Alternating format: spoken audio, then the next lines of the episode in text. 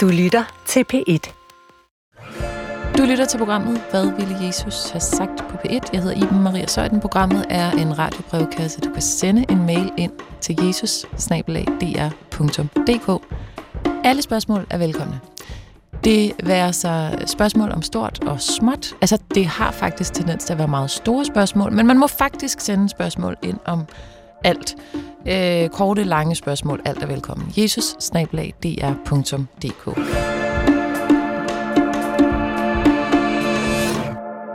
I studiet med mig sidder Lisette Heidsø. Velkommen til dig, Lisette. Tak for det. Fra Hornbæk Kirke. Lige kommet ud øh, på den anden side af sådan en øh, form for virus, som hele familien skulle igennem ja, på samme tid. Ja, en dejlig omgang med ja. virus. Må de spørge, beder man undervejs i sådan en situation, og bare sådan, lad det blive overstået, Gud? øh, ikke så bevidst, vil jeg sige. Nej. Nej, det kunne man jo godt have gjort, men det tror jeg ikke lige, jeg havde kræfter til at tænke. Min Nej. Gud, min Gud, hvorfor men, har du ja, hvorfor har du forladt mig? Ja, sådan føltes det. Ja. Det er jo simpelthen det der med at skulle tage vare på syge børn, når man selv er syg. Der. Ja. Men du siger ikke direkte, så i virkeligheden kan man godt sådan indirekte gå rundt og lidt bede. Også. Ja, det synes jeg absolut, man kan. Ja. Spændende. Hvordan gør man det? Bare uden ord? Jamen, det er jo sådan lidt, øh, altså sådan... Øh, øh nogle automattanker, har jeg næsten lyst til at sige, ikke? men mm. sådan, altså de der ønsker, håb, drømme, som man sådan går og mere eller mindre aktivt formulerer i sit hoved hele tiden. Her i programmet ynder vi jo at skifte mellem det store og det små. Det der er jo i den store kontekst en lille bitte ting, men øh, søndag, når I alle sammen vågner op og er friske, der er man vel en form for genfødt. Det er jo faktisk nærmest en religiøs sang, så Thomas Helmi har skrevet dagen efter dagen derpå. Ja, det kan man sige. En genfødsel. Ja. Intet mindre. Halleluja. Halleluja. Et nyt liv, man vågner op til i hvert fald. Han glemte lige at tage det der halleluja med i sang. Ja, ja. Men altså, ja. det kan nå sin remake, ja. eller hvad ved jeg. Ja. George Harrison indover. Uh, Lasse Iversen, velkommen til dig. Det er dig, man kan høre. Ja. Uh, du er fra Christianskirken i Aarhus. Ja, ja. Har du bedt uden at bede for nylig? Jamen, jeg godt kende det. Altså, altså, altså det med bøn som, øh, som tanker, eller som... Øh, jeg, jeg ynder... Altså, det er, jeg er egentlig ikke super god, eller... Jamen, det, eller jeg, ynder, jeg kan godt lide tanken om også bøn som en væren. Mm. Altså, altså noget med, at, altså, ligesom jeg bare samtidig er sådan parallelt sammen med mm. min kone, så kan jeg også godt være sammen med Gud. Det er jo ikke sådan noget, jeg så kan være super bevidst om, men det er der, altså fordi jeg tror på ham og tror, han er der. Så, så det gør også noget bøn, tror jeg. Så det er jeg, en håbefuld måde at være i nuet på? Ja, og, en, og, en, og en, øh, en, øh, en tanke om, at Gud, han er der, han er så uanset om jeg taler til ham eller ej, mm. øh, og går med mig også, når jeg er syg, mm. og ligger en dårlig mave med hele familien, hvis det var det. kan komme med toget, som for eksempel tilfældet har været i dag. Ja. Ja. ja. ja. Så sidder man der i kupéen og på en eller anden måde forsøger at leve parallelt med Gud. I det store og i det små, Lars ja. Gustav Lindstrøm, velkommen til dig. Lindhardt. Tak. Jeg putter lige Ja. Det sidste efternavn, det aller sidste sætning. Ja, Frederiksberg. Ja. Beder du tit uden at bede? Øh, jeg synes faktisk, øh, jeg øh, gør det næsten hele tiden. Jeg øver mig, øver, øver mig i hvert fald. Jeg tænker om bøn, at enhver tilkendegivelse, udadtil eller indadtil, af at det, der er vigtigt, det kan jeg ikke give mig selv. Mm. Det er sådan set en bøn. Okay. Øh, og det er også det, bøn gør. Øh, det er, at det, det siger højt eller lavt, at det, der er vigtigt, det kan jeg ikke give mig selv. Så hvis jeg har noget, der er vigtigt, så har jeg grund til at sige tak for det. Og hvis jeg ikke har noget, der er vigtigt, så er der grund til at bede om det. Ja, for jeg troede i virkeligheden bare, at bønden var sådan noget. Det håber jeg, det tror jeg på. Men det er også en, en underkastelse af en art. Ja, nej, nej. Det er sådan set blot en konstatering af, at det, der er vigtigt, det har jeg ikke magt til at give mig selv. Mm. Hvilket vil sige, at, at der er øh, enormt grund til at være taknemmelig, fordi de fleste af os jo heldigvis kan tælle mange ting i vores eget liv, som vi har, som er vigtige. Der er i hvert fald ikke noget værre, end at føle, at der ikke er noget, der er vigtigt. Du lytter til, hvad vil Jesus have sagt på P1? Skriv ind til jesus Jeg har fået verdens korteste øh, mail, som samtidig er et kæmpestort spørgsmål, og jeg har forsøgt at kontakte lytteren og skrive, vil du ikke være sød og sige noget mere? Kan du ikke skrive noget mere om din situation? Og jeg har ikke fået noget svar. Hvad vil Jesus have rådgivet mig til at klare min sorg over at have mistet min mand. Altså, hvordan ville Jesus have rådgivet mig til at klare den sorg, jeg har efter min mand er død? Det skriver en lytter, som hedder Bettina. Øhm, Lisette, du har jo tidligere sagt, at du faktisk lidt har speciale i, eller i hvert fald finder enormt interessant det der med, hvordan sorg påvirker mennesker. Ja. Hvorfor er det øh, en ting, der har festnet sig i dit arbejde? Øh, det er det jo fordi, at jeg selv har oplevet stor sorg i mit liv, og, øh, og som det jo ofte er, så, så er der så kan der sådan være tilfældigheder, der lige sporer en ind på en livsvej. Og for mig blev det så noget med at beskæftige sig med det her, altså hvad sorg gør ved et mm. liv, og ved vores relationer, og ved vores måde at være i verden på. Så, øh, så derfor så er, er sorg lidt blevet noget, jeg, jeg beskæftiger mig med og mm. interesserer mig for. Hvis vi nu lige, inden vi går videre med lytteren, kigger på, hvad det var for en sorg, du selv har fået ind i dit liv. Ja. Øhm, du har delt med både dine følgere på Instagram, og formoder jeg menighed, altså mm. sovnebørn, dem, dem fra din menighed, der følger dig der i hvert fald. Ja. Det med at vise, at du har selv mistet, du mistede din mor. Jeg kan ikke huske, hvor mange år siden det er. Det er 15 år siden. Ja. Øhm, ja, altså min mor blev, blev meget syg, da jeg var i starten af 20'erne, og efter et par år, så døde hun. Og, øh, og det slog mig fuldstændig ud af kurs på en måde, hvor altså, jeg, jeg fandt ikke fodfæste. Der gik faktisk rigtig mange år, før jeg øh, øh, fandt en eller anden form for tillid til tilværelsen igen. Så, så der var jeg ret hårdt ramt, og efter en håndfuld år døde også min far. Mm. Så altså, det var sådan en meget stormomsust øh, stillhed, faktisk. Eller sådan et, en mørke periode, vil jeg sige, når jeg kigger tilbage på det. Og når du kigger på, hvordan sorg påvirker mennesker, hvordan påvirkede det dit menneske at miste både din mor og din far? Jamen, det gjorde, at jeg, øh, jeg mistede fodfæste simpelthen. Der var sådan en grundlæggende tillid til, til livet og til, øh, til verden, til mennesker, til mig selv, som jeg mistede, og som jeg havde svært ved at finde igen. Øhm, så, og det var det er meget usikker grund at stå på, øh, at have mistet sin, øh, sit ståsted, simpelthen. Hvor i den her periode kommer ideen om at skulle blive præst ind? Jamen, jeg var faktisk allerede i gang, kan man sige. Jeg var i gang med at læse teologi, da min mor blev syg og døde. Så, øh, så det kan man sige, det var en, en livsbane, jeg egentlig bare fortsatte. Øh, men der er ingen tvivl om, at den jo tog en drejning mere over imod det her med sorg og kriser, sjælesorg, øh, end den måske ellers ville have gjort. Øh. Men det kunne jo også have fået dig til at forlade studiet og sige, hvis der var en Gud, så havde han ja. ikke lavet dette ske. Jamen, det har jeg sørme da også øh, skændtes med mig selv om af flere omgange. Ja, mm. er det her virkelig, øh, er det det rigtige? Og øh, Ja, og faktisk, jeg, jeg blev færdig, og jeg var ude og være præst, og så endte jeg faktisk, da min far døde, mm. så endte jeg med at forlade præstegærningen, fordi jeg var sådan lidt, jeg kan ikke mere. Mm. Jeg har ikke noget at give af nu. Og, øh, og så var jeg væk fra den i tre års tid, øh, indtil jeg så alligevel ikke kunne dyme mig for at vende tilbage. Noget havde fyldt dig op i mellemtiden, eller du havde bare fået en pause? Ja, begge dele. Mm. Altså, jeg havde fået en pause, og så havde jeg jo... Jeg, ja, jeg var blevet fyldt op, så nu synes jeg igen, jeg havde noget at give. Og derfor sidder du her i dag. Tænk lige over, hvad du gerne vil give videre til Bettina så, ja. som skriver ind, hvad vil Jesus have rådgivet mig til at gøre for at klare mm. min sorg over at have mistet min mand? Lasse, hvad vil Jesus have rådgivet Bettina til at gøre? Jeg tror for det første, han vil vise øh, omsorg og medmenneskelighed. Altså Jesus kendte jo først øh, os selv til sorg. Altså, øh, vi har en beretning, hvor en af hans øh, gode venner er død, og han simpelthen begynder at græde. Altså bliver sådan, altså, øh, altså virkelig rørt over at have mistet øh, sin, øh, sin nære ven. Så Jesus kender selv til sorg. Øh, det er ikke bare noget, han sådan øh, øh, frelseragtigt ligesom kan ordne med lige at knips med fingrene, og så er den der, men det er faktisk, altså det er også en del af hans eget liv, og en del af hans erfaring og menneskelighed. Øh, det, det, det, det synes jeg faktisk er altså i sig selv en... Øh, jeg tænker ikke, det er en trøst, men altså, det, altså, det er måske også fordi, altså sorg, øh, det er jo ikke noget, det er ikke noget, vi, ikke noget, ikke noget, vi sådan skal fikse og kan fikse, men det handler meget om at være måske med nogen, og det der med at vide, at Jesus kan faktisk godt være i det der sovens rum, eller øh, altså der, hvor alt bare bliver meningsløst, og, mm. og man mister fodfæste, som, øh, som Lisette deler med os. Altså det, øh, det, det, altså, det synes jeg for det første er trygt, trygt at vide, og godt at vide. Der vidste han jo så også noget før den moderne, eller næst moderne, næsten moderne psykologi, ikke? fordi vi har jo haft øh, for vane, i hvert fald for noget, nogle år siden, at ligesom sige, at sorg er noget, man skal igennem, mm. eller det er noget, man skal yeah.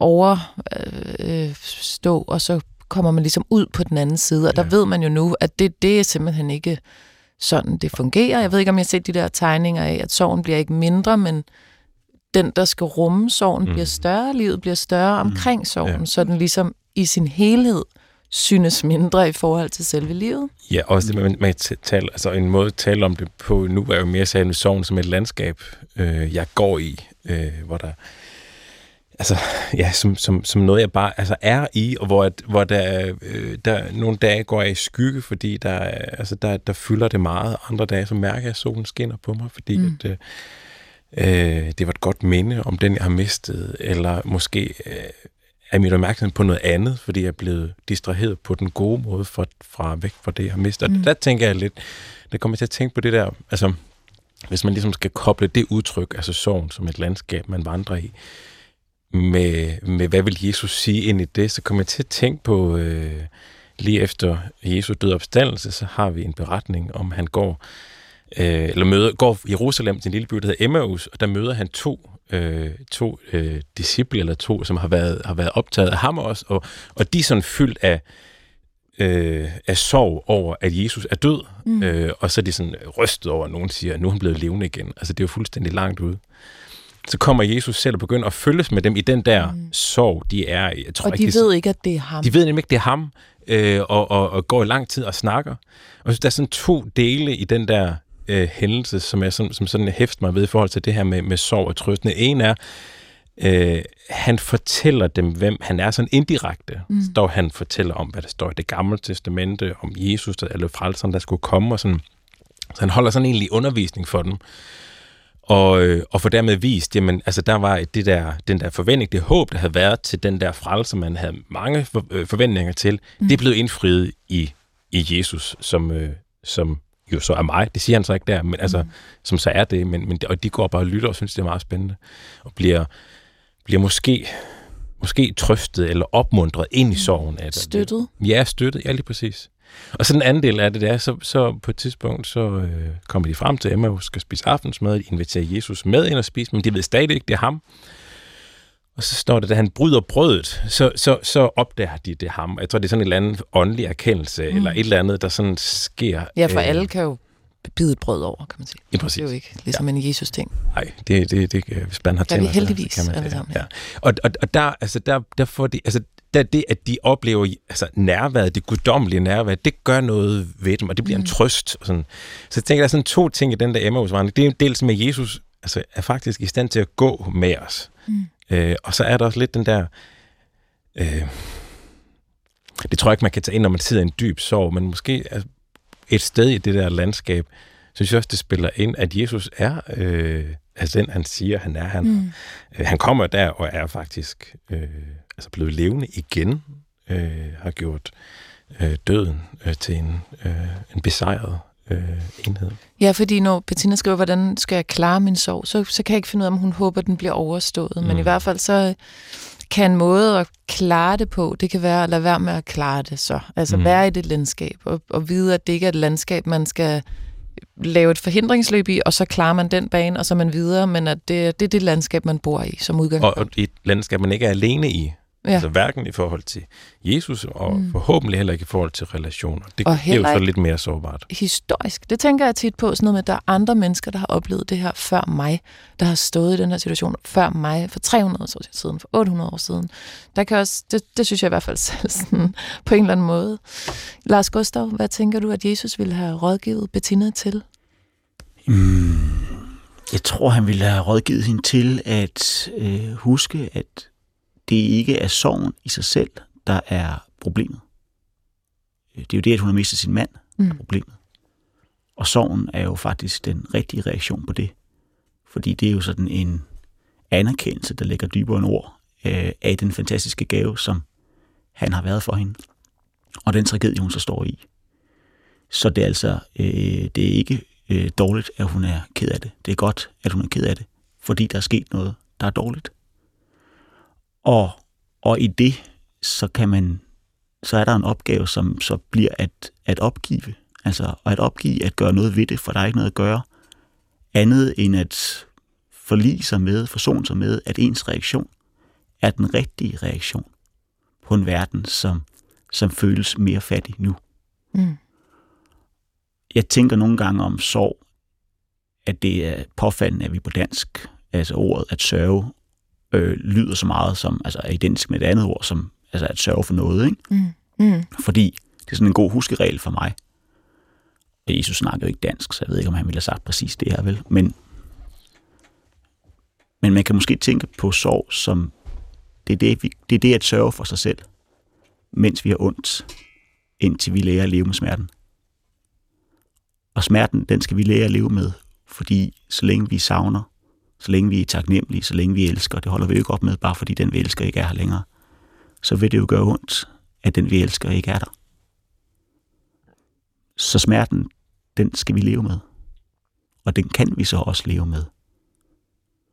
Og det er jo vigtigt, at vi lever med den, for vi skal jo leve videre for den, vi elsker. Mm. Den, vi elsker. Alt det, som han gav hende, det har hun nu mulighed for at bære med videre i sit liv og give videre til verden. Lisette, Ja. Øh, jamen, hvis jeg starter med Jesus, så tænker jeg, at han ville have svaret øh, endnu kortere, end spørgsmålet lyder. Han ville have sagt, sørg. Du, du skal sørge, øh, fordi det er det eneste, der er at gøre. Og, øh, og det er, når vi, når vi gerne vil undgå det, at det går galt, eller at det bliver rigtig hårdt at være i. Øh, i det gamle testamente, der er jo mange og lange beskrivelser af, hvad folk de gør, når de sørger. Altså, og de er meget ekspressive. Altså, de, de øh, synger klagesange, og de river deres klæder i stykker, og de, de råber og, og spiller musik, og, og, øh, og klæder sig i sæk og aske, som jo er gået over og blevet en talemåde. Ikke? Altså, sådan en, øh, jo en meget ekspressiv sorg. Og den er jo på en eller anden måde blevet skrællet lidt af os igennem tiden. Og jeg tænker, vi skal tilbage til, til sådan noget, for at, øh, at kunne klare det, der gør ondt. Mm. Eller i hvert fald det, der sådan er ekvivalenten i vores tid til at klæde sig i sikker aske. Øhm, for, altså, det er, når vi tager sorgen på os, når vi accepterer det, der er, mm. at vi kan græde smelte tårer, altså de tårer, som er de gode tårer. Øhm, indtil vi tager den på os, så græder vi alle mulige andre tårer. Og det kan være nødvendigt, for det, alt er jo en proces, men, men så er det for eksempel vredestårer, ikke? og frustrationstårer, og øhm, angsttårer. angst, og, og, og, og på den måde kan sorg jo være smittet af alle mulige følelser. Mm. Øhm, men vi skal hen til den rene sorg, som er den, der hedder, det gode fjerner sig, og det er jeg ked af. Mm. Ikke? Hun har mistet sin mand. Det er hun ked af.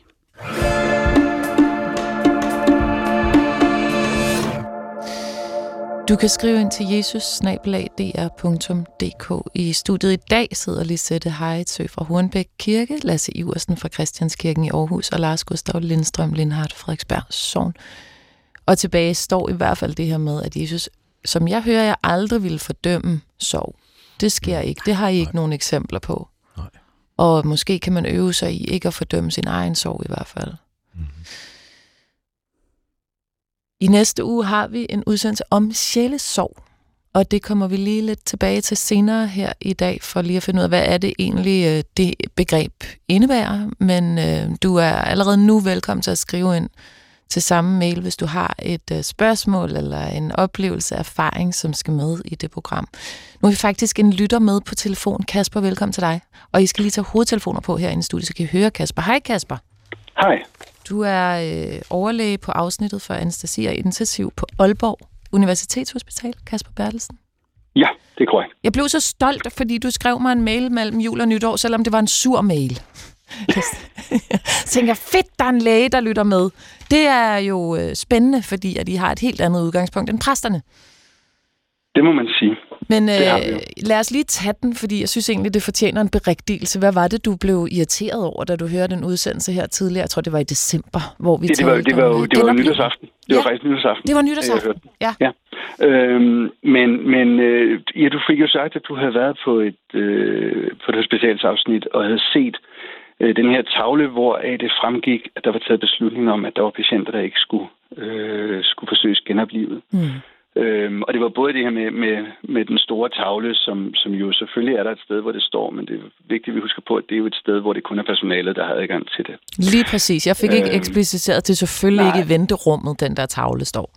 Øh, og det er heller ikke noget, man som patient bliver konfronteret med, efter at, at samtalen er taget. Mm. Øh, og så var det jo, så, så, så, så, så tror jeg, det næste, du sagde, det var, og så slog det mig, hvem kan dog få lov at bestemme det? Mm.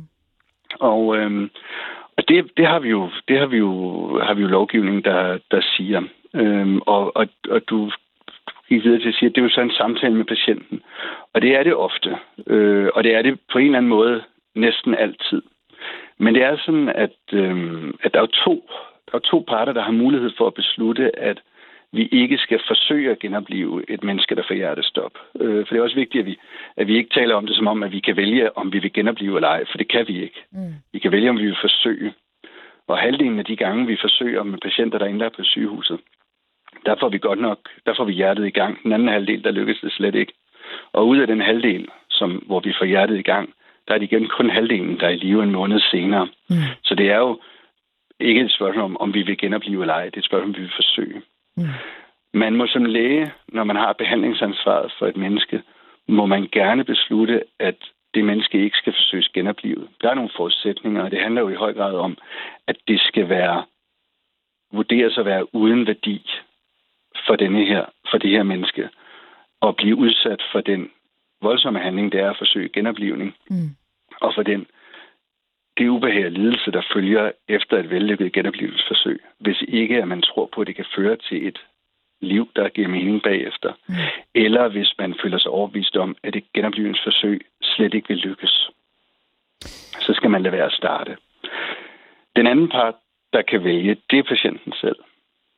Og man må, når, i forbindelse med, at man er syg, må man, må man gerne øh, beslutte, at man ikke vil, øh, vil udsættes for et genoplevelsesforsøg. Det, det, den beslutning gælder kun i den aktuelle sygdomssituation, man er i som udgangspunkt. Mm. Øh, men, men det er jo så en dialog, vi har. Derfor så er det jo altid en dialog, fordi hvis jeg beslutter, at en patient er i en situation, hvor genoplevning er meningsløs, og der, derfor ikke skal for, eller genoplevningsforsøg er meningsløst, og derfor ikke skal gøres, så er jeg forpligtet til at fortælle patienten det. Undtagen ja. i de situationer, hvor jeg ved, at patienten ikke ønsker at få det videre. Må jeg lige spørge det helt kan, lavpraktisk, ja. hvad, hvis, hvad, hvis man, hvad hvis patienten ikke kan, sådan, man tænker, at patienten ikke kan høre eller forstå det, skal man stadigvæk så sige det? Man skal søge at informere patienten på en måde, som patienten kan forstå. Okay. Hvis ikke det kan lade sig gøre, så kan det jo ikke lade sig gøre. Øhm, og så øh, bør man som udgangspunkt informere de pårørende. Det er klart. Jeg tror, det var noget af det her, jeg ligesom har prøvet at sige utrolig kort, så det blev så mm. klodset. Så jeg er simpelthen så glad for, at du skrev, Kasper. Nu vi har der... Øhm, mange af de præster, der har været her i programmet, har faktisk også arbejdet som hospitalspræster. Det er jo en profession, hvor man ikke skal behandle, men man mere skal bidrage med trøst og ro. For eksempel kan jeg huske, at Carsten Møller Hansen, der har været i studiet, har sagt, at han faktisk mange gange har været med til at bede om, at livet måtte få en ende for den ja. her patient. Og det er jo, kan man sige, det strider jo lidt imod det, som er dit arbejde. Øhm, når du ser på dit arbejde, de her præster i funktion, hvad tænker du så om, om, om præsternes arbejde i forhold til døende patienter, i forhold til dit arbejde? Spørgsmålet er jo, om der er et modstrid, et, et, et modsætningsforhold. Det, det oprindelige udgangspunkt for lægearbejdet er jo ordene stund om helbredet, ofte lindre, altid trøste. Og der kan man så i, i, en, i en tid af en verden med exceptionelle teknologiske muligheder for at holde mennesket i live, trods naturens vilje, og, og for at helbrede de mest utrolige ting, kan man måske bekymre sig, kan jeg i hvert fald bekymre mig, om vi, om vi glemmer rækkefølgen og prioriteten af de tre ting. Mm. Vil du ikke lige på, sige dem igen, undskyld, så vi lige har dem? Stund om helbredet, ofte lindre, altid trøste. Mm. Over, over hovedindgangen til, til øh, et af sygehusene, nu bliver jeg i tvivl, et af sygehusene i Aarhus, som er lukket i forbindelse med flytningen til Skyby, der hang et skilt, hvor det var afkortet til helbredet, lindre, trøste. Og jeg kan blive bekymret for, at, at man som læge ser det og tænker det. Mm. Og, og derfor er trøsten kommer i tredje række. Mm, så man glemmer, at trøsten i virkeligheden er den, der er den allervigtigste, som jeg hører dig sige det. Det, det, er jo, det, det oprindelige hippokratiske udsagn er jo det, at trøsten skal altid være der. hvor vi må erkende og acceptere, i tråd med det, vi lige talte om i forbindelse med forsøg på genoplevning, at helbredelse jo ikke altid er en mulighed. Mm. Og slet ikke altid er en mulighed på vilkår, som patienten vil acceptere. Det, det, det lytterspørgsmål, der, der, der startede, startede vores samtale i mm. nytårsaften, handlede jo netop om et menneske, der ikke havde lyst til at acceptere de vilkår, som sygehuset gav, mm. men jo gerne vil modtage trøst, ja. og formodentlig vil sige ja til lindring. Det var en person, der bare gerne ville være derhjemme og egentlig dø helt stille og roligt, uden øh, alt muligt. Hvordan trøster man så som læge, når man ikke kan bruge de ting, man har i skuffen, som er medicin, og man ikke kan ligesom stille en bedring udsigt? Hvordan trøster man, når man så ikke er uddannet præst? Altså forhåbentlig så får man jo nok ikke kvæg sit uddannelse, som er en universitetsuddannelse, der handler om, at man skal kunne finde ud af at forske og kunne finde ud af at anvende det her teknologi. Men kvæg, det er dybde, man som menneske opbygger i mødet med andre mennesker, så bygger man forhåbentlig en erfaring, der gør, at man, man ved, hvordan man trøster. Men en stor del af den trøst, som jeg tilbyder, ligger jo i, at jeg også magter at lindre og, og det at kunne tilbyde lindring til de mennesker, som ikke kan eller skal helbredes, er, er en stor del af den trøst, som jeg kan, øh, som jeg kan tilbyde. Mm. Jeg kan også lytte. Jeg kan også tale. Men vilkårene for en læge på et, et moderne sygehus er jo, at tiden ikke er til det. Mm. Det er svært at finde tiden til på anstændig vis at høre et menneske i dybden. Mm. Det er jo også måske et af vores problemer i forhold til samtalen om ønsket om genoplivningsforsøg. Og den, den uh, lytter, der skrev ind til dig mm. nytårsaften, som jo har brug for at blive hørt. Er det, øh, vil du gerne kunne trøste mere, end du kan? Umådelig gerne kunne trøste mere, end jeg kan. Og det er jo uanset, hvor godt jeg tror eller føler, jeg kan trøste, vil jeg jo meget gerne kunne tilbyde de mennesker, jeg møder, de mennesker, som sætter deres lid til, at jeg øh, kan de ting, jeg skal kunne, vil jeg jo også gerne kunne tilbyde dem trøst og ro. Mm. Overlæge Kasper Bertelsen, du er vist nok sådan set på arbejde nu, så jeg tænker, at øh, jeg vil sige dig tusind tak. For, ja, jeg, jeg, jeg, jeg, så, så vil jeg godt lige, fordi jeg havde et enkelt ting på min jeg har på din noter. liste. Selvfølgelig har du det. Du, selvfølgelig har du skrevet noter. Du er læge. Ja, det er jo det som, som, øh, som jeg tænkte, at, at øh, jeg vil fremhæve som, som den meget store forskel, og en forskel, som måske kan udjævnes på, på hospitalslægen og hospitalspræsten. Og det er jo, at præsten går ind i rummet til mennesket, der er der, og accepterer døden som et vilkår. Men lægen i sit opdrag har helbredelse stående så højt, at døden jo ofte er et nederlag. Mm. Den forskel er måske grundlæggende i, om man kan tilbyde trøst. At den, der kan gå ind i rummet og acceptere, at de ting, der sker, de sker, har ro til at lytte og trøste. Altså noget kunne godt lyde som om, at du skulle uddanne dig til præst, egentlig, Kasper. Så. Nå, jeg har en grundforståelse af, at det, at det forudsætter en, en vis tro på de højere magter. Okay, godt ord igen. Måske er du lige præcis, hvor du skal være, Kasper. Tusind tak, fordi du skrev til mig. Selv tak. Det er jo interessante perspektiver, Kasper kommer med. Vi har jo taget et lille afhop. Altså, det er stadigvæk, hvad vil Jesus har sagt her i studiet med Lisette Hejsø, Lasse Iversen og Lars Gustav Lindstrøm Lindhardt. Men vi havde altså en hospitalslæge med os her, som fortæller, at det han gør, det er at trøste og lindre. De to ting hænger sammen. Det I gør, det er at trøste og tro de to ting hænger sammen for jer. Og den helt grundlæggende forskel på jer, når I står på en stue med en døende, det er, at I accepterer døden, hvor er den død, uanset hvor langt i forløbet man er, uanset hvor gammel og syg man er, så er det for lægen et nederlag, fordi at den ultimative videnskab kan selvfølgelig redde os alle sammen. Og den forskel gør, at I trøster bedre, end han gør. Altså, jeg, siger han. Jeg synes virkelig, at han øh, ramte øh, hovedet på sømmet her. Mm. Øh, Øh, jeg, jeg ved ikke, om jeg kan sige det bedre, øh, end han kan, øh, end han gjorde. Øh, men fordi jeg er præst, så kan jeg nok bruge flere ord, end han, end han brugte. Ikke? øh, og jeg tror, jeg vil sige noget i retning af, at udfordringen ved ikke at acceptere døden som vilkår, det er jo den udfordring, der generelt ligger i ikke at acceptere, det er altså, der er konflikt. Mm. Og hvis du er i konflikt med, med sådan det allermest fundamentale i tilværelsen, så har du et problem. Og, og hvis det er det, som du som læge går ind i, at du er i konflikt med det allermest fundamentale tilværelsen, det faktum, at vi alle sammen skal dø, altså at døden bliver et nederlag, Øh, og det kan godt være, at det ikke er det intellektuelt, men jeg tror, han er ret i, at for mange læger, måske deres, de læger, som ikke har så meget erfaring, primært, mm. der føles det som et nederlag. Og så har du den der konflikt indbygget. Den konflikt kommer til at sprede øh, øh, uro omkring dig.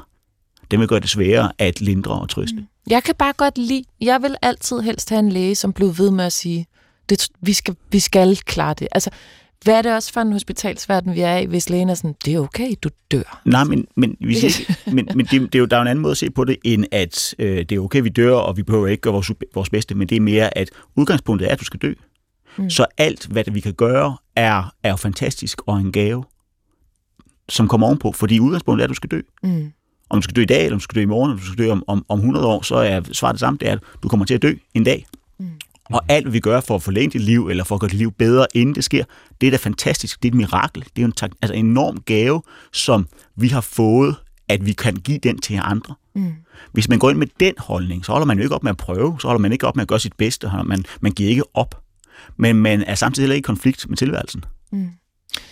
Jeg kan mærke, at det er sådan en samtale, der lige kommer til at spinde rundt i min hjerne, også fordi at jeg både synes, jeg hørte ham sige, at det var godt at acceptere døden, og så samtidig, at, at at han ligesom er enormt glad for at kunne lade være. Ikke? Mm. Øh, virkelig optur, når I skriver til mig. Jeg synes, det simpelthen er så spændende at høre fra alle mulige mennesker, der sidder og ikke er præster, hvordan de her samtaler lander hos dem.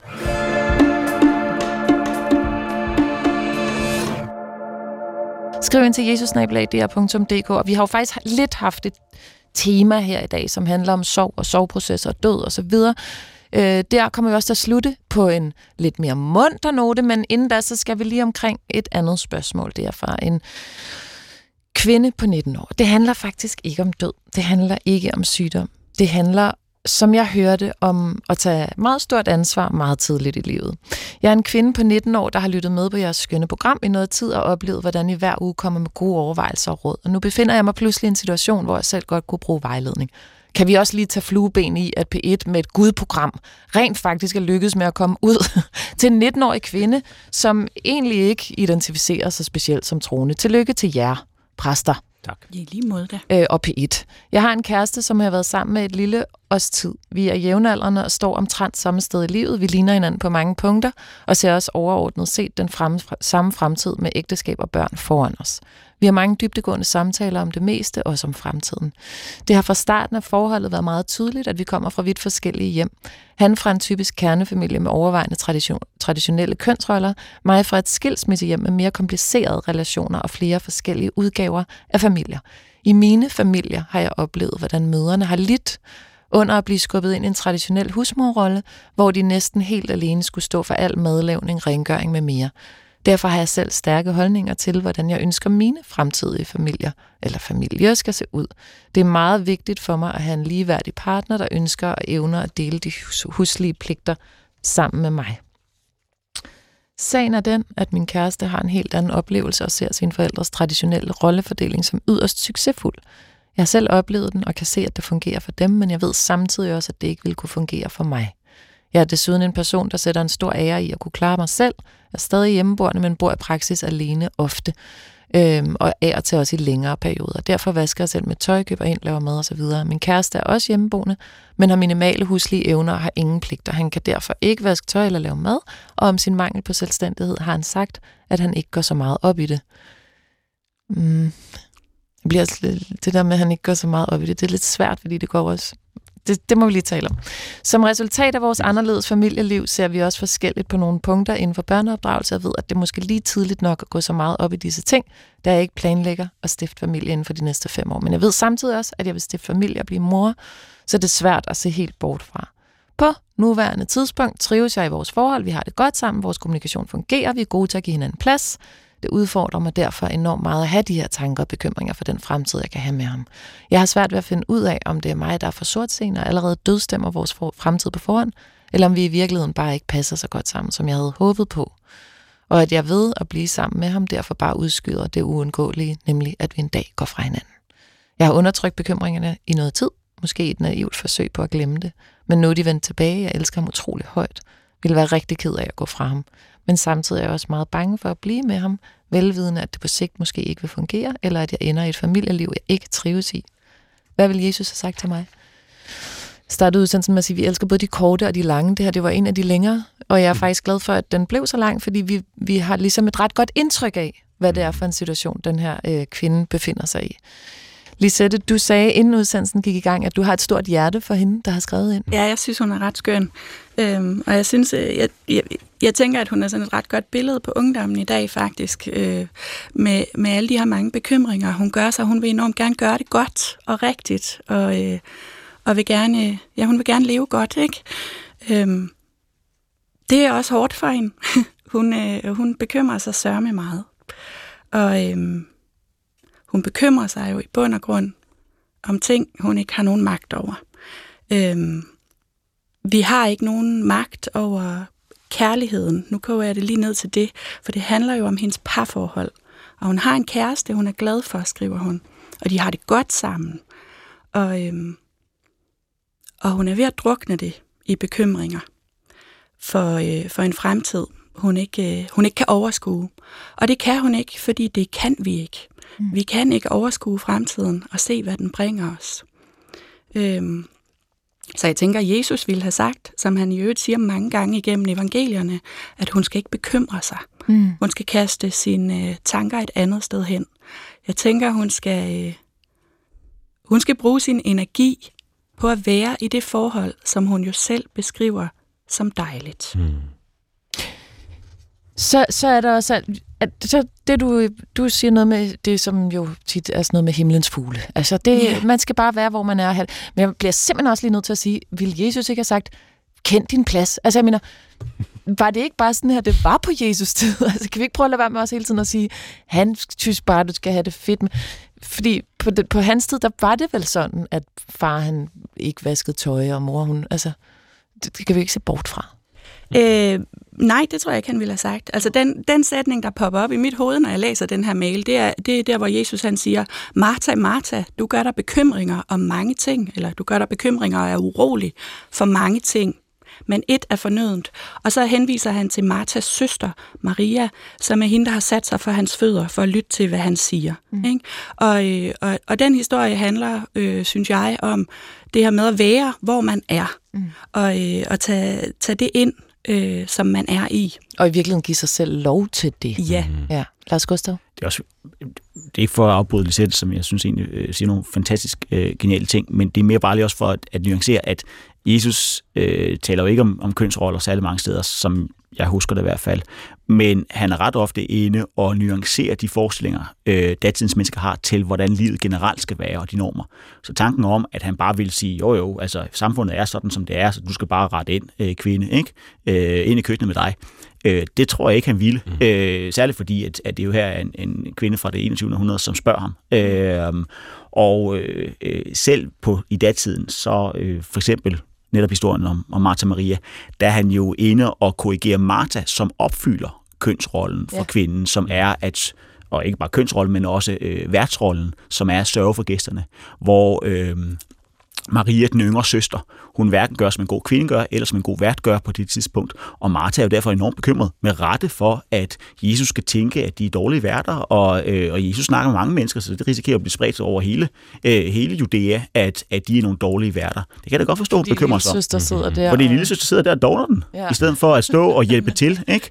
Ja. Øh, og sørge for dem. Øh, og der siger Jesus så, øh, nej, fordi øh, de der roller, som vi alle sammen går så meget op i, øh, dem skulle vi måske tage at gå mindre op i. Mm, til sidesætte for at være til stede i det, der nu mm. er i den stue, den dag, den aften, et eller andet. Mm. Ja. Lasse? Jamen, så tænker jeg, øh, øh, så er der også et eller andet i, når Jesus han taler om parforhold og ægteskab, så er der også et eller andet, han taler også om det med at at bryde, altså han siger, henviser til det gamle mand, der siger, at øh, en mand skal forlade sit hjem og sin mor og far, og så bindes til hustru, de bliver et kød. Altså, de danner en ny enhed. Mm. Så det, det synes jeg også er, altså det, det er også en måde, øh, en opmuntring til, til, til hende her, øh, øh den unge kvinde og hendes kæreste, sige, jamen de skal jo, altså de skal jo finde ud af, hvordan er det, det skal være. Hvad dem. De skal ikke kopiere hverken mm. hans forældre eller hendes forældre. De, De skal finde ud af, eget. de bliver deres eget.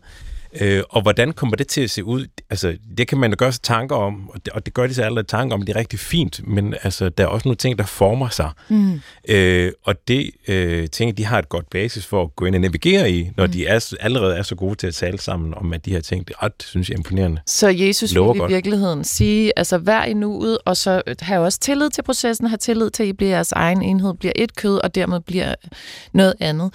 Øhm, Og så kan det godt være, og nu taler jeg ud af erfaring, altså der er som sagt de her unge mænd, som skal vide, nu skal du altså til at lære mm. at lave mad eller vaske tøj Ja. selv, og det, og det er fair nok, og det er måske også en del af den her proces. Stiller Jesus nogensinde sådan praktiske krav til andre? Må man det, hvis man spørger Jesus? Må man godt sige, hey, du gør det der nu? Er det ligesom en ting, der er en værdi i Bibelen? Øh, jeg, jeg, jeg, jeg kan ikke huske, at øh, Jesus er sådan en, der forholder sig til øh, praktiske spørgsmål. Nej. Øh, men der er masser af steder, hvor han øh, selv sætter grænser Mm. øh, for andres adfærd. Mm. Øh, tag for eksempel der, hvor han bliver vred over, at folk de, øh, de veksler penge ind i templet. Altså øh, har gjort det til en markedsplads ind i templet, der hvor man burde øh, bede og tilbede. Øh, der siger han, det skal man ikke, fordi at, at nogle grænser er sådan set rigtige at have. Mm. Så det er altså ikke et spørgsmål om, at Jesus er for eller imod strukturer eller regler eller grænser. Øh, han er for nogle grænser og imod andre grænser. Mm. Øh, og det, som sådan synes at være øh, den røde tråd, som jeg umiddelbart læser det, øh, det er noget i retning af, at øh, der, hvor mennesker får lov til at udfolde deres liv frimodigt og med glæde og taknemmelighed, der er det rigtigt. Og hvis grænserne og rammerne hjælper os til det, så er det fint. Der, hvor de forhindrer os i det, så skal vi måske prøve at, øh, at ændre på reglerne eller grænserne, eller måske bare bryde dem. Så kommer der lidt svært spørgsmål her, og det vi er i gang med, det er jo at svare en kvinde. Skal hun gå fra sin kæreste, fordi hun kan sige, at de har forskellige normer i forhold til øh, den måde, de er sammen på, øh, og forskellige baggrund. Altså, er Jesus sådan en, der sætter sig ned og siger, vil du være sød og tage opvasken? Vil du være sød og hente et brød til mig? Vil du være sød? Altså, er han, gør han ligesom nogensinde det, og beder andre mennesker konkret om at hjælpe sig? Det gør han. Ja, ja. Ja, det gør han, men, Ja. ja. men, men han går også samtidig det modsatte. Altså, han, han, han, han er også et, et eksempel på, altså på den, der går ind og tjener. Altså, vi har et eksempel med, hvor han går ind og vasker sine disciples Men det fødder. gider hun jo ikke i længden, så lad os tage nej, nej, andet. men, men, det, men, men, men, men, det, men der, det, der, altså, det er også det der, altså, det, det er jo også en, måske en læring, man skal, vi, øh, man, synes jeg i hvert fald, bliver udsat for, når man kommer i et parforhold. Mm. Jeg skal både, øh, jeg, jeg skal altså også tjene, og samtidig lige øh, lukke ned for Mm. mig selv, fordi der er brug for, at jeg lige stepper op her. Øh, og andre gange, der er mange, der siger, "Ved du hvad, kunne du ikke lige, Ja. gider, gider du hente en, et glas vand? Jamen, altså, ja, men, men præcis ikke. Altså, og, og, et par dage inden, at han har vasket sine øh, hvad det hedder, disciples fødder, ikke, så siger han til en af dem, øh, hey, øh, gå lige hen til den her landsby, øh, der står øh, øh, to æsler øh, bundet, Mm. øh, tag dem lige med her til mig. Hvis folk spørger, hvorfor du tager deres æsler, så bare sig, at øh, herren skal bruge dem, og de snart kommer tilbage. Mm. Øh, altså, så det er ikke, fordi han er bange Ja. for at sætte sin, øh, sende sine øh, disciple sted. Altså, meget berømt, så bliver de fleste disciple jo apostle, som betyder udsending. Altså, Mm. Ja. øhm, Og det er vel en opgave. Ja, altså, kan- det er vel... Hent det der Mm. til mor. Hvorfor? Fordi mor skal bruge det. Slut færdig. Øh, jeg tænker bare på... Jeg vil også bare lige sige, nu, nu kan vi godt blive enige om, at så bekymrer hun sig sådan noget. Jeg synes også, det er rimelig boss, faktisk, i en alder af 19 år, at sådan sige, nej, ved du hvad, jeg er ikke sikker på, at jeg orker give det den her lange chance, øh, og så blive skilt som 26-årig, og så stå ligesom der og have dobbeltbøvl, hvis jeg allerede nu kan se det her, det kommer til at fylde helt vildt meget. Altså, det er da, det er da, det er da også noget, der kan noget, ja, Mm. tænker jeg. Og det er, også, det er også vigtigt, altså når vi sådan snakker om og tolker på Jesus, han vil sige noget i retning af, at hun skal være der, hvor hun er, så betyder det jo netop, at hun skal være der, hvor hun er. Så altså hvis, nu læser jeg personligt hendes mail og hører hendes mail som om, at de er et godt sted. Mm.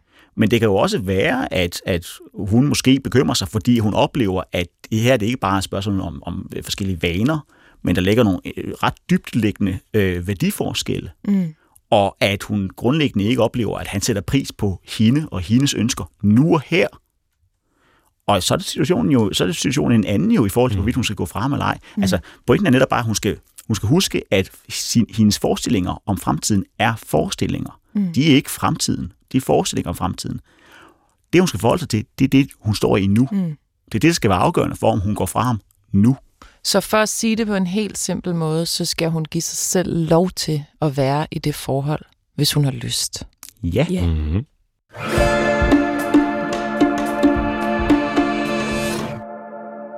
Du lytter til, hvad vil Jesus have sagt? Om et øjeblik, så skal vi ringe til faktisk en af det er en af vores egne præster, som har været med til at beslutte, hvad vi skal tale om i næste uge, som er sådan en temaudsendelse. Det glæder mig meget til, hun lige skal fortælle om. Øh, inden da, så vil jeg høre jer.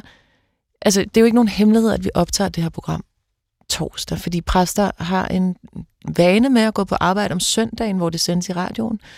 Øh, og det er torsdag i dag, og i går udkom der denne her øh, kongeord.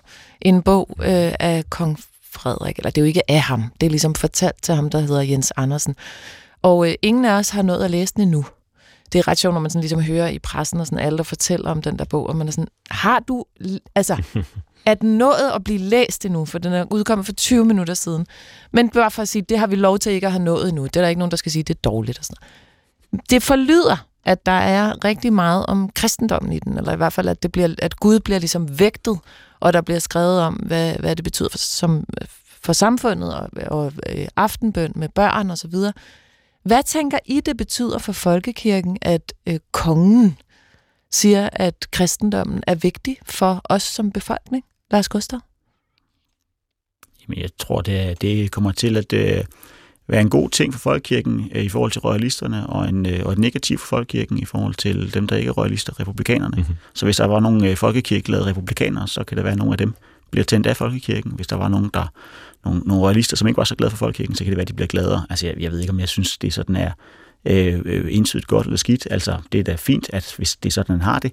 Jeg vil være træt af det, hvis, hvis øh, det viser sig, at han har skrevet alt det der, fordi, øh, ikke fordi han ikke mere, men fordi han føler sig presset til det. Mm. Øh, fordi det er jo ikke hans opgave at forkynde evangeliet. Øh, godt nok er han overhovedet for kirken, men altså, øh, der er så en masse præster, som, som er under ham i kirken, mm. og det er vores opgave at forkynde evangeliet.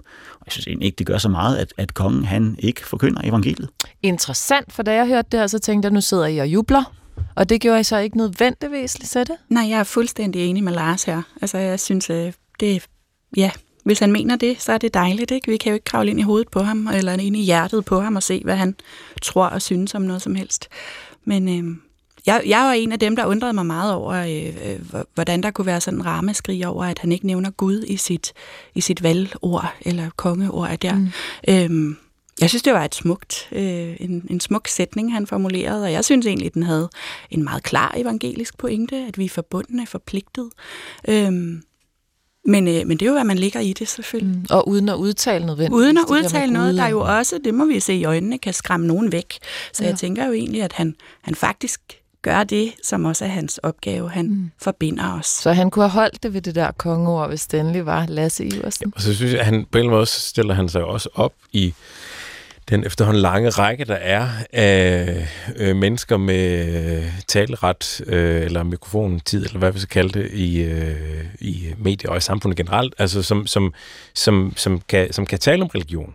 Øh, og det med ikke at være bange for det. Det, det, det, det synes jeg er dejligt, mm. at der er nogen, der, der, der godt tør, tør sætte ord på det, og også... Øh, Altså, øh, ja, hvis han fortæller om, hvordan det også er en praksis derhjemme. Altså, det, det, det er da interessant, at mm.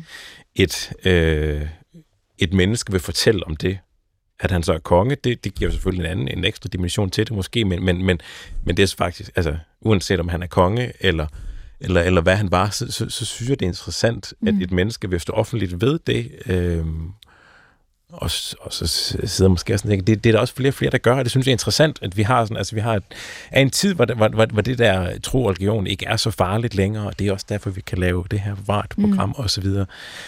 Øh, og det, det, det bekræfter han på den måde ved at fortælle, hvordan, hvad det betyder for ham. Og, Men om det er Flemming Møldrup, som jeg også så i morges var ude at sige, at øh, man kunne med fordel gå mere i kirke mm-hmm. i mhm. Kristi Dagblad. Ja. Eller om det er kongen. Det er sådan set hip som habt. Altså, der er ikke nogen, der er ja. finere end andre til at sige noget om Gud. Nej, nej, det er jo, det er jo, altså jeg synes Lasse også er spot on her, øh, fordi at, nu sagde jeg før, at han behøver ikke forkynde for det der præster, der ligesom er forpligtet på. Mm han behøver ikke lade være med at forkynde. Altså, mm. præsterne er ikke de eneste forkyndere. Ikke? Nu mm. hører vi lige før en overlæge, som, som er bedre præst end, end mange præster. Øh, God pointe. Øh, så, altså, så det, det er jo, det, han skal bare ikke føle sig tvunget til det, synes jeg. Mm. Fordi det er jo fedt, at folk de går ud og forkynder evangeliet på den måde, som de nu bedst kan uanset om de har kjole eller ej. Hver fugl, der skal pipe med sit næb. Ja. Du lytter til, hvad vil Jesus have sagt? Helene Reingård Nøgman, er du med på en telefon? Det er jeg. Hej. Hej.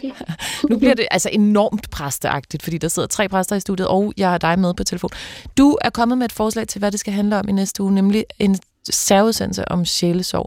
Du har ikke kunne høre med på den her udsendelse, fordi den er jo ligesom blevet bondet, og det er meget teknisk det hele, men det har handlet rigtig meget om sorg i dag, om det at miste. Ja. Men øh, er det egentlig overhovedet det, som sjælesorg er? Altså det begreb sjælesorg, inkluderer det altid noget med sorg? Øh, faktisk ikke. Altså ordet sjælesorg kommer øh, af tysk og betyder egentlig omsorg for sjælen. Øh, og øh, den tidligere biskop Jan Lindhardt, som er så Lars Gustavs øh, familiemedlem, han har sagt noget meget genialt engang. Øh, nemlig at sjælesorg er, når den for tiden stærke hjælper den for tiden svage. Øh, så sjælesorgen er det rum, vi har, hvor man kan være til øh, med de eksistentielle problemer eller dilemmaer, vi nu går rundt med. Øh, og det er jo ikke nødvendigvis, at vi har mistet nogen, men det kan det være. Mm. Og da du sagde, kunne man ikke lave en udsendelse om det, jeg var sådan, jo tak, fordi jeg havde også set, du har været på det der kur, der er åbenbart kurser, man kan komme i, i det her sjælesorg, eller sjæletørreri, eller jeg ved ikke, hvordan man siger. Hvad er det ved, ved, ved, det, ved den disciplin, som du synes er spændende? Jamen, øh, jeg tror, jeg synes, at det er interessant, at det er et af de eneste steder, vi har, eller de eneste rum, vi har i det her moderne liv, hvor vi mennesker faktisk kan mødes om problemer og eksistentielle overvejelser, uden at det er noget, vi behøver at blive løst fra. Mm. Altså det er sådan, at mennesker øh, har det nærmest som fordring, at vi jo gerne hele tiden vil hjælpe andre. Men der kan godt opstå en øh, misforståelse, fordi at det problem, den ramte person nu har, så øh, på en eller anden måde øh, kan den person føle, at det bliver negligeret, fordi det er noget, vi skal helbredes fra. Mm. Hvor i sjælesorgen øh, kan vi få lov at være og vende og drøfte og reflektere, og det synes jeg, der er for få, der ved. Mm. Men det du siger er i virkeligheden, man kan også være sjælesørger for sin nabo, uden at være præst for eksempel. Det vil jeg faktisk mene, ja. Mm. Men det er jo klart, at rum øh, er der jo en tredje person til stede, som er Gud. Mm. Altså normalt, øh, når, når det er præster, der foretager en sjælsorg i samtale. Men altså, sjælsorg er et vidt begreb. Det kan jo også være, øh, at når man står og snakker med nogen i kirkedøren om søndagen, der har været til gudstjeneste, øh, det, det, det udspiller sig alle mulige steder. Helene Reingård Neumann, tak fordi du var med på en telefon, og det var egentlig for at sige, at i næste uge kommer det til at handle om sjælesorg.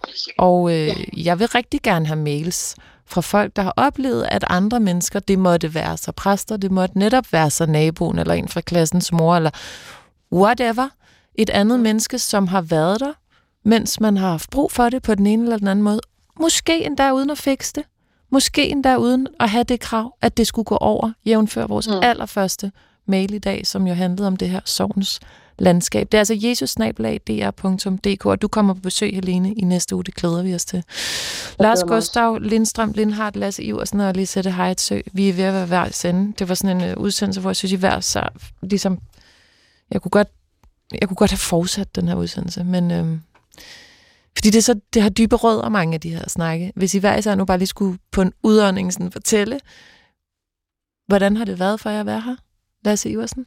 Jeg synes, det har været øh, interessant, og jeg synes, det er øh, dejligt at opleve, altså, at mennesker stiller de her spørgsmål, og øh, øh, synes, det er interessant at høre, hvad vil øh, Jesus sige til det, og så kan vi forsøge som øh, præster at give et bud på det. Selvom vi jo så ikke bliver færdige. Det er jo faktisk mit behov for at blive færdig og løse det, kan jeg godt lidt mærke, at jeg sidder og bakser med sådan, åh, det gik hurtigt, altså selvom det var noget, der var sådan det sov og noget tungt. Ja, men der, måske netop bliver det også, også talt med sjælesår. Altså, så er det bare, er det ikke bare, men så er det, så går vi nogle skridt sammen. Også lidt apropos, jeg nævnte det der Jesus, de med, og de der øh, vandre, eller mm, folk, Emmaus. Emmaus. Altså Emmaus vandre. Jesus, altså Jesus er en, der kan gå med os på den der vej i nogle skridt. Øh, vi kan gå med hinanden som medmennesker. Altså mm. medvandring er faktisk også et udtryk for sjælsorg. Mm. Ja. Det var det, vi forsøgte lidt i dag i ja. hvert fald. Det med bare at gå lidt sammen. Lars Gustav Lindstrøm, Lindhardt. Jamen, altså, jeg, jeg elsker at være her. Jeg synes, det er et fantastisk dejligt sted at være. Jeg bliver altid, øh, føler mig altid klogere, når jeg tager hjem igen. Og jeg forstår også godt, hvad du mener med, at vi kunne blive ved. Øh, men jeg tror ikke, vi kunne få det afrundet. Altså, så hvis vi skulle blive ved, så skulle det bare være, fordi det var godt. Altså, jeg har da overvejet nogle gange at tage en sov, sovepose med herind, ikke? Øh, fordi det er et fedt sted at være. Øh, men ikke med en forhåbning om så at blive færdig med mm, Og få det løst. Nej, Lisette, kan du leve med, at vi ikke har fået noget som helst løst i dag? Ja, det kan, det kan jeg jo blive nødt til. Jeg, jeg synes også, det har været dejligt at være her. Og, øh, og, og ja, særligt det første spørgsmål der med, hvordan klarer vi sorgen, mm. når den opstår, for det gør den jo. Så, øh, Hvad vil du så sige her på falderæbet, man skal have med sig som et gajol æske ord, hvis man sidder derude i sorg? Og ligesom tænke, og når man vågner i nat og er forvirret og bange og ked af det, og hvornår går det væk? Og... Jamen, det er jo desværre den kedelige hårde, at man er nødt til at være i det. Det må være hovedet. Kommer der noget som helst godt ud af det på et tidspunkt? Om der kommer noget godt ud af sorgen? Det kan man, ved jeg kan man have ikke. En jeg... forestilling om, at man bliver større menneske, eller at der viser sig, at der kan være nogle... Det er jo også en helt vild moderne tankegang, jeg eksponerer her. Ikke? Det er en meget moderne tankegang. Og jeg tror, at nogen oplever, at de lærer ting, at de, at de får erfaringer, som de kan bruge og tage med sig. Og, øh, og det skal man da endelig øh, dyrke, eller altså, ja, tage med sig. Jeg tror, øh, man skal man skal jo passe på, at det ikke bliver til målet mm. i sin sorg, at man skal have noget ud af den. Mm. Det har sådan set været hele pointen for i dag, som mm. jeg så lige blæser et stykke der. Lad os se meget ja, for kort. det kan man først se det bagefter. Eller mm. ofte kan man se det bagefter. Og man skal ikke sidde, tror jeg, i sådan en ting. Hvad, hvad, hvad får jeg ud af det her? What's ja. in it for me? Men mere at sige, måske kan man bagefter se, når jeg lærte noget, og det er måske først efter 5 eller 20 år, og mm. måske kan man ikke, har man ikke fået noget med at tænke, det var bare lort. I tre af, af alle de flotte ord, der er blevet sagt i dag, synes jeg, vi skal slutte på lort. Øh, Lasse Iversen, Lisette Hejetø og Lars Gustav Lindstrøm Lindhardt. Tusind tak for jeres besøg, og øh, Christoffer Rauf Heide var producer. Tak også til dig, Christoffer. Altid dejligt. Skriv ind til jesusnabelag.dk. Tak til dig, der har lyttet med.